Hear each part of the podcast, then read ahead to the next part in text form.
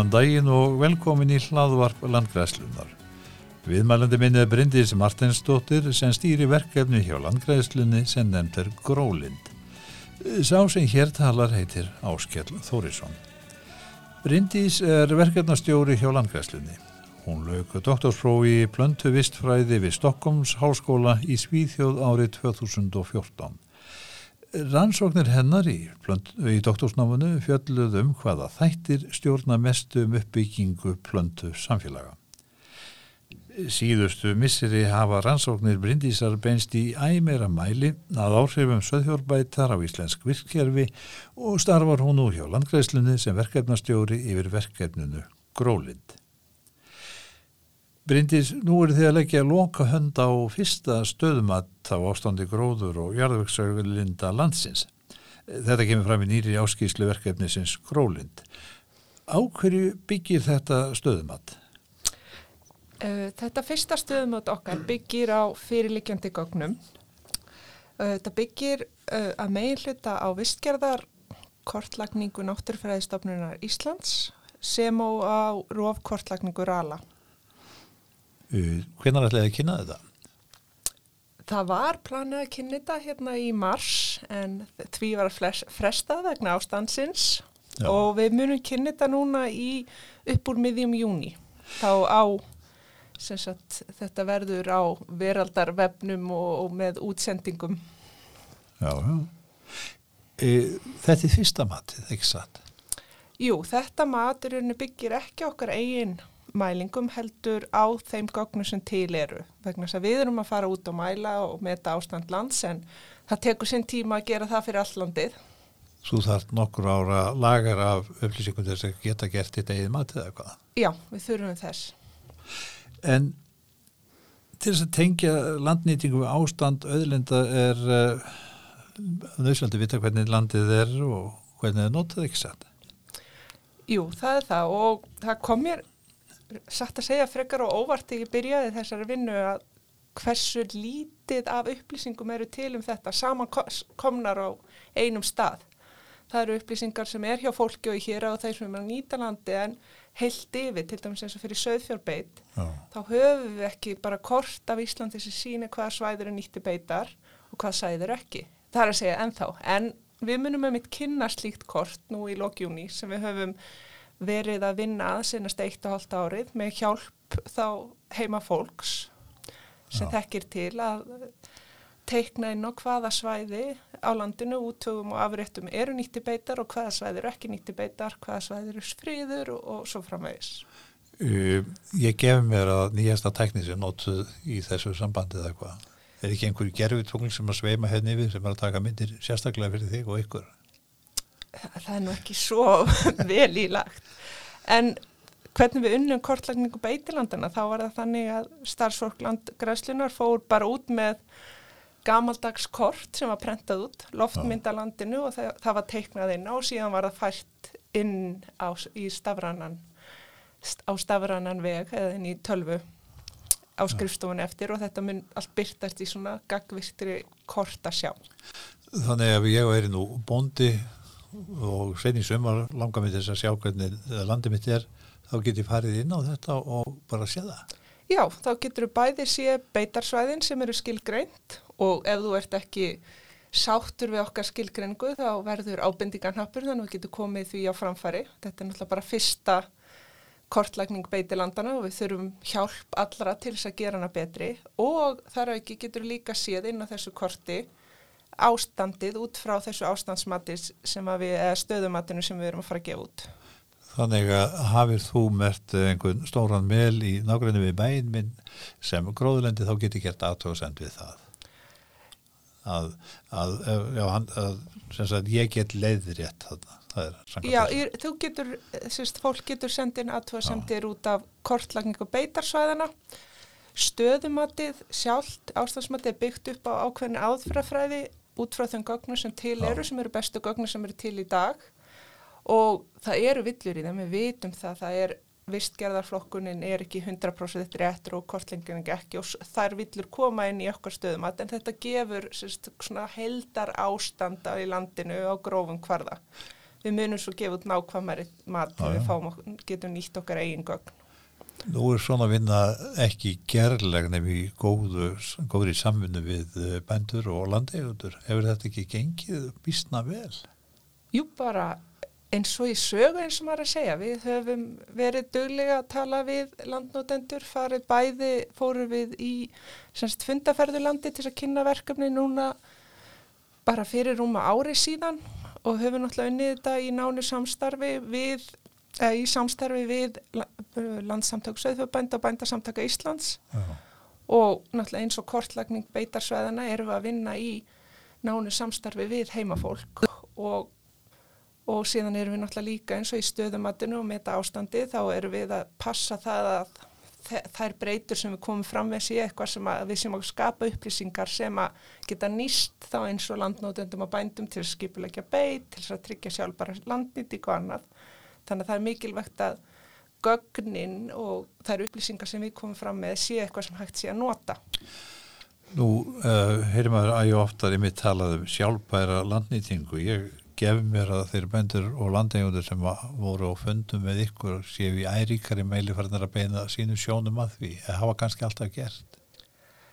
Ég meina þetta er allt þ- það sem við stefnum að það vilja allir stunda sjálfbara landnýtingu og tryggja það að þeirra nýting sé ekki að skerða möguleika framtíða kynsluða til þess að nýta landið Já, og þetta er það sem ég heyri frá öllum, það, það vil, eða veist, það vilja allir gera þetta og það verður mjög gott ef við komið með eins og goggur ólendar sem geta þá hjálpað okkur í þessu.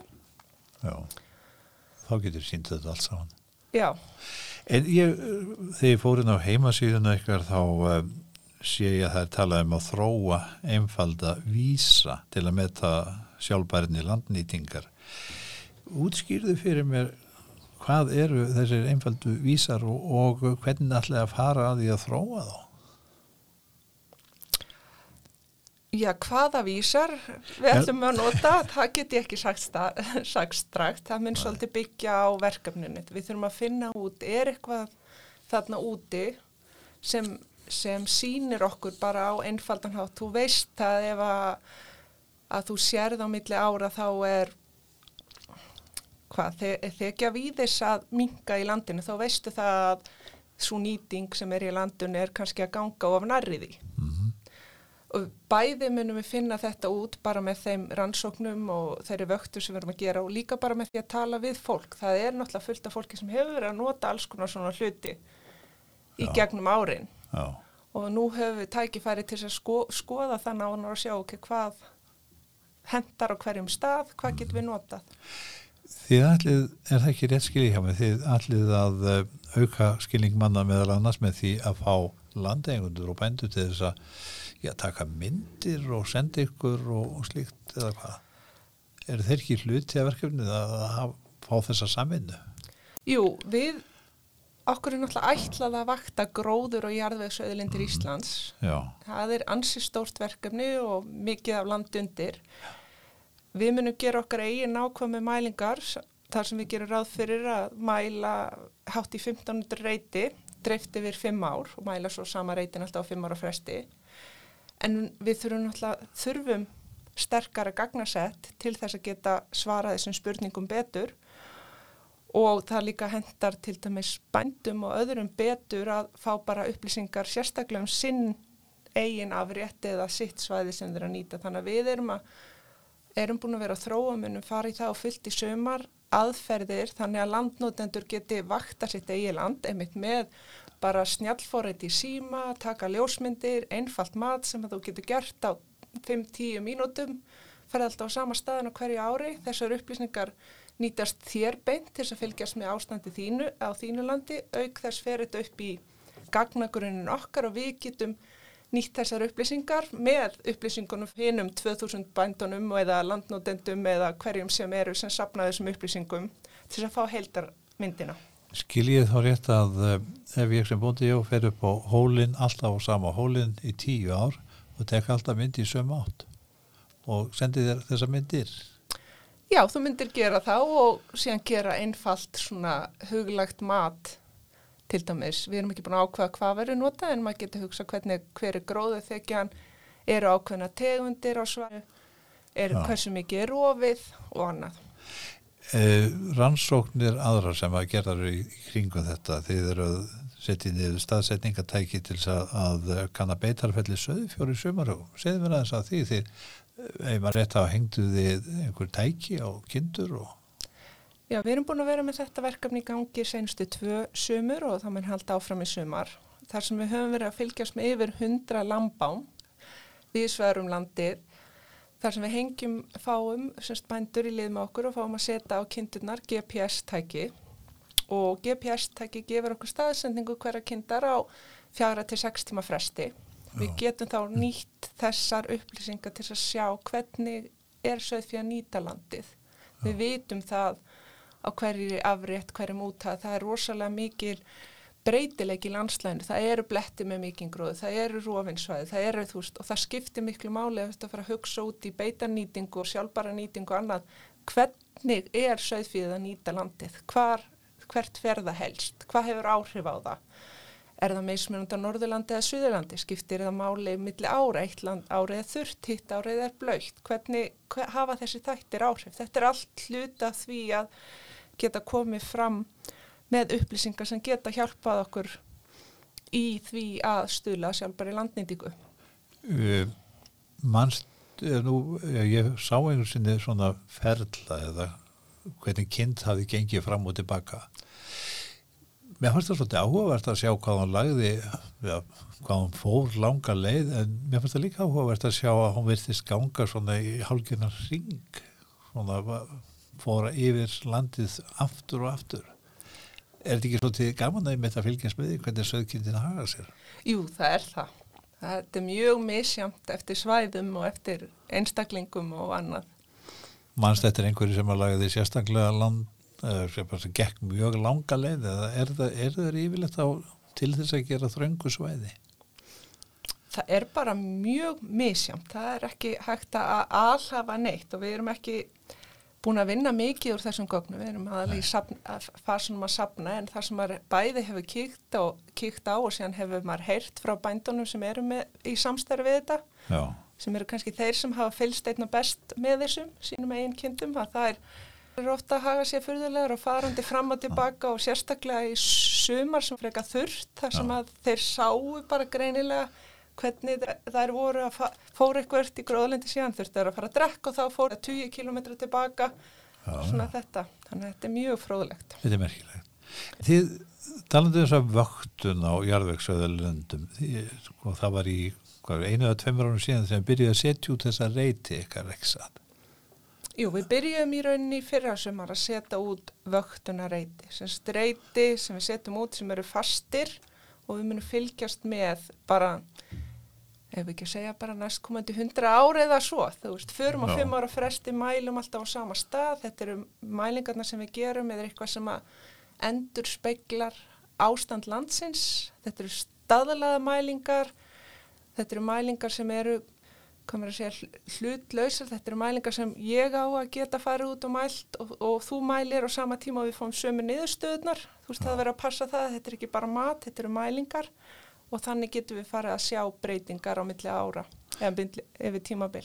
Þannig að þegar við tölum um reyti þá erum við ekki að tala um eitthvað lítið afgirt hólf heldur bara púnt þar sem að, rannsóknarmæður sest niður eða stendur og, og horfir í kringum sig eða hvað. Þetta eru í rauninni mælilínur eða sérst 50 sinni 50 metra Já, já. reytir og við erum að mæla mjög mikið á sérst 50 metra línum sem fara í kross. Já, og erum að fá þá upplýsingar um rof á svæðinu og góða mælingar á því hvernig tegundasamsetningin er og hvernig jarðvegurinn er, gróðurhæðin og annað. já, já. En nú er hvað, nú er komin mæmánuður og, og þú ert örgulega farin að skipulegja sumarið. Hvað er þess áherslu sumarsins? Það eru kannski í mikið líkingu við það sem þú varst að segja mig núna. Þið setjum út fleiri reyti trúlega.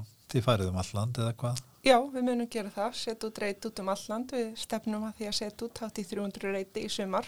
Hvað ertu þá komið margar svona reyti? Þá verðum við komin hátt í 400. Það voru fáið reytir í fyrra sumar þar sem við vorum að nota, nýta sumari til þess að þróa aðferðafræðina frekar. Þetta er náttúrulega, það, það er mikil vinna bak við þessa þróun á aðferðafræði og þróun á verkefninu þar sem við erum að tryggja það að bæði við erum að ný, byggja á bestu faglegu þekkingu sem til er. Mm. Við erum í, eins og með stöðumatið, við erum að senda allt sem við gerum, við sendum það í rýni til sérfræðinga innanlands, við erum að byggja á aðferðafræðum sem aðrir hafa nota, til dæmis eins og aðferðafræðin sem við erum að nýta núna við vöktuna, þetta er aðferði sem hefur verið notaðar í meðal annars nýja sjálfandi og bandarangjunum í tugi ára við að vakta landsvæði og beitilönd, við náttúrulega aðlöðum að Íslandi. Já. Til að passa að svara þeim spurningar sem við þurfum en, en svona gott, það er mjög mikilvægt að maður byggja svona verkefni á mjög sterkum og gagsæjum faglegum grunni. En uh, ef, ef, ef þið sjáum nú að það verður að beita byrja lélegt land, ónóttæft land kannski bara sem að já, lítið græs og lítið gróðró, hefur þá mun grólind eitthvað geta gert í því máli eða, eða er, hafið bara tilögur rétt? Grólind er hugsað sem í rauninni bara verkefni sem er ætlað að skila upplýsingum. Já, Við erum bara svona verkværi sem hægt er að nýta í þessu. já, Þannig að grólind er ekki að fara að segja einum nýja einum neitt hvernig það er eiga að haga en, en grólind er að koma upplýsingarna sem segja til um ok, hvernig er ástand landsins sem þú ert að nýta til beitar, hvernig er það að breytast á milli ára og þessar upplýsingar er hægt að nýta til að stuðla sjálfbæri landnýtingu og annað. já. Uh, aðeins uh, yfir annað, það er rétt að, að glem ekki sögunni, en hvenar tók Rólind fyrstu spórin? Grólind hofst með samningi á milli landsamtakasauð fyrir bænda, bændasamtaka Íslands, Atvinn og nýsköpunaráðniti sem svo landgræslunar í mars 2017 og landgræslinu var falið yfir umsjón með verkefninu þau auglýs, auglýst eftir verkefnastjóra og ég hóf störf í júli 2017. Uh, Þetta var það þá, uh, svona, þetta, þetta er uh, svolítið sérstakt verkefnaði hvað vinnubröðu ykkar eru líklega eða hvað á einhvern nátt öðruvísi heldur höfum áður gert eða hvað eða þeir minn einhverja nýjar aðferðir sem að frá kannski það sem við erum að segja það sem við leggjum fram í þessari vinnu er, er svolítið þetta eru upplýsingar þeim þurfa að náttúrulega vera réttar, þurfa Já. að vera faglega unnar og það þarf að vera traust. Já, Við þurfum að tryggja það að bæði að þetta sé unnið allt út frá öllum vísindalegum stöðlum og annað þannig að þeir sem rýna það út frá því sjónarhortni geta staði með verkefninu og sama hátt þá verðum við að tryggja það að verkefni sé að skila upplýsingum til þeirra sem við viljum að nota, noti upplýsingarna, landnotendur og bændur og aðrir. Já, og við þu- þurfum að byggja upp traust við þá að þeir sjáu að það sem við erum að gera er eitthvað sem getur nýst þeim. Og til þess þá þurfum við náttúrulega að vera í samstarfi til þess að vera vissum það að ég sitt ekki á skrifstofinu og hann eitthvað rosa fínt verkefni sem ég finnst æði og, og síðan, kem, síðan kem ég með niðurstöðnar og þá var ég að gera mæli eitthvað sem kannski þeir get ekki nýtt eða þau get ekki nýtt þannig að þetta er þú leggur mikil, mikla áherslu á þennan sterka fræðilega grunn Já, við gerum það. Fræðilega grunninn og gott samstarf við hagsmunna aðala. En uh, aftur yfir í sjálfbærðin, það má, má þessi reynsla sem nú þegar búin að fá þér, hverju myndur þú svara uh, eftirvændi spurningu út frá henni, sko, er landnýting á Íslandi sjálfbær? Er hún það? Já, þetta, þessi, þessi, hvað segir við, að svara þessar spurningar bæði já og nei. Já, Ég meina, hún er það á mörgum stöðum. Líka svæði það sem að út frá minni þekkingum, ég myndi ekki telja landnýtingu sjálfbara. Það er náttúrulega í vinslu núna sem sagt þessi reglugerðum sjálfbara landnýtingu, það sem að kemur, mun koma svona lagaleg já, hvað sér útskýring því hvað þetta þýðir en út frá þessu að sjálfbærni það, það þarf að tryggja við, viðgang og viðhald vistkerfa til framtíðar að landnýting má ekki skerða það. Nei, að já, sjálfsögðu það eru svæði á landinu þar sem að landnýting er ekki sjálfbar en það eru líka fullt af svæðum á landinu sem að, þar sem að landnýting er sjálfbar og verkefni mun náttúrulega koma með upplýsingar sem getur svara, þannig ég geti svara því hérna eftir nokkur ár bara þú spyrir þetta og þá getur bara tekið upp kort og syndir já hérna er hún svona, hérna er hún svona og hérna er hún svona. já. Nú hefur við árum saman hugsað mjög vel um hafið. Uh, við erum með heila stofnið hafránsók til dæmis og, og fylgjumst vel með ástandi fiskistofna finnst þér að við höfum skilið landið svolítið eftir? Já, þetta er náttúrulega auðlind alveg eins og fiskistofnarnir og sjávarauðlindin. Við erum með gróður og jarðvegsauðlindina sem er mjög mikilvægt. Við værum ekkert ánennar Nei. og svona hef, hefði ég viljað að grólindarverkefnið væri núna, ég væri í 20 ára viðtali við þig. Já. Að, að þetta væri búin að vera í gangi mun, mun lengur en, en þetta er að byrja. Má segja kannski að uh, fólk lítið hafi ekki lítið á jörðina landið sem auðlind eða, eða kannski ekki lítið að sömu augum og, og hafið og vötnið það er, er svolítið munur þar á Já, ég held að þú hafir nokkuð rétt fyrir þér.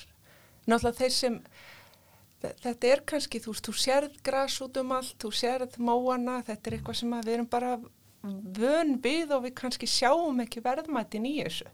Nei. En þetta er náttúrulega verðmæti. Svo kannski breytingar á landi gerast ofta þá löngu tíma að menn telja það eðlilegt ástand að, að sé ekki stingandi strá á heilu sveðunum meðan önnur er þokkalega gróin. Já, við erum náttúrulega bara svolítið vön, teljum að það sem við upplifum, það sem við sjáum sé, sé eðlilegt. Já, Og þannig að það er kannski eitt af því sem við vonumst til að þetta verkunum mun líka til að hjálpa til við að auka svo kallar landlæsi. Já, Að þú getur fara að horfa á landi með þeim augunum að þú sjáir, ok, heyrðu, hérna er eitthvað að gerast sem er ekki gott, hérna er allt í framþróun. já. Þannig að við verðum svolítið meðvitaðri um þessa auðlind. Við skulum vona það. Aðeins yfir í söðkindina því ekki getum við hægt þessu viðtali á ettir nema að hafa rætt hana sérstaklega. Hún hefur nú oft verið talin í hópi helstu orsakavalda þess að gróður hefur ekki náð sér á stríka á ákveðnum svæðum. Er þetta rétt? Á sumum svæðum, já, alveg klárlega, en á öðrum svæðum þá er þetta kannski flóknara. Það fer eftir, hvað segir, rannsóknir hafa sínt fram á að það að söðfjárbeitt getur hindra gróðu framvindu. Já, Uh, við erum líka með svæði þar sem hefur verið friðað í 20 ára og það gerist ekkert sem þýðir þá það að þá þarf að grípa inn í aðra aðgerði. Þá er bara það þannig að ástandi á landinu orði þannig að þó það komin fræðarn eða plöntur þá lifa þar ekki af. Við þurfum að skapa umhverfisaðstöður þannig að plöntu geta fara að nema land. Og þar kemur til dæmis eins og endurheimt og landgræsleaðgerðir og an annað inn. Já, og það eru dæmi þess að þú getur, hvað segir við, að það eru líka alveg dæmi þess til dæmis eins og skeður á sandinum þar sem er mjög lítil beit að þar er að vaksa upp byrkiskóur þrátt fyrir þessa litlu beit og meðan það eru önnur svæði þar sem að leiðuðu fríðar þá fer skóurinn að koma upp þannig að þetta er bara, þetta er flókið samspil Við- umhverfis og beitar. já. Við erum allavega að uh, huga betur að þessari auðlindi og hún verður, hún kemur ekki tilbaka. Já, og þessi aukna þekking sem mun skapast hjálpar okkur til við það. Og þetta er kannski líka það sem er mikilvægast er það að við þurfum að stöðva þá gróðureyðingu og ósjálfbæru landnýtingu sem nú er í gangi sem er að valda gróðureyðingu vegna þess að það er miklu erfiðara fyrir okkur að, og dýrara ef að við leifum hlutunum að hnigna en stoppum við þá ekki Já, það að komast, ef þú ert með lít kannski land sem er að, bara rétt svo byrjað að nigna, breyti kannski landnýtingu, það, það jafna sig. Já, það kostar ekki mikið, það tekur ekki langan tíma en ef þú leifir því að halda áfram og það er búin að nigna mjög mikið þá kostar það mjög mikið bæði þú veist að fara í ábröðgjöf og annað og tekur langan tíma þanga til að landina er að jafna sig. Uh, aftur yfir í vöktunina. Uh, hvað er það sem við hafið einhverjum í huga þegar kemur að vöktun á landi? Byrjum á stöðuleika svæða og jarðvegs. Í rauninni þar sem við erum að vakta eru það sem hefur verið svona þrýr líkil þætti. Hversu stöðugt er svæðið? Er mikið Já. um rof? Um, mun það þóla ágætlega þau áföll sem dyn, dyn, munu dynja á það? Við erum til dæmis eins og hérna með eldgós regluleg og annað. Við erum líka að skoða hversu vel eru vistkerfin að virka Já, er, er, er vassflæðið í kerfinu eins og það á að vera kemur rigning og helst, helst vatni í kerfinu eða er þetta bara svona eins og gatasikt og það helst ekkert og sama með næringaröfni. Við viljum náttúrulega að næringaröfnin haldist í kerfinu og næringaröfnarringin á sin og annað virki vel. Mm. Og þetta eru svolítið þeir visstræðilegu þættir sem við erum að skoða í okkar vöktun og þetta eru þættirni sem endur spekla ástandið. Já, það lítur að vera svolítið vandi að tólka þetta allt saman. Ég, ég mynda mér það þegar við horfir á þessar tölur og þessi kort og allt saman að tólka þetta þannig að menn skilji. Já, það er ákveð, ákveðin list en við erum náttúrulega byggja því sem aðrir hafa gert. Já. Byggja með á aðferðum sem hafa verið prófaðar, sem hafa sínt gildi sitt, Já. sem gerir okkar vinnu mjög auðveldari, mjög auðveldari. Já. Má ekki fullir það að þetta sé mjög þakklátt starf að þeir sem að fylgjast með ykkur landeigandur og bændur að, þeir kunna metta það sem er að gera?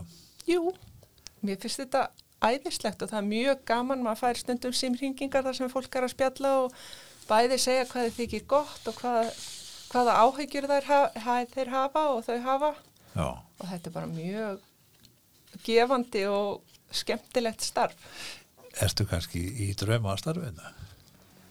Já, ég held það bara. Heyrðu, þakka þér kjærlega fyrir að koma í þetta hlaðvar Takk fyrir að fá mig. Það var gaman að, að heyri þér. Bless, Bless.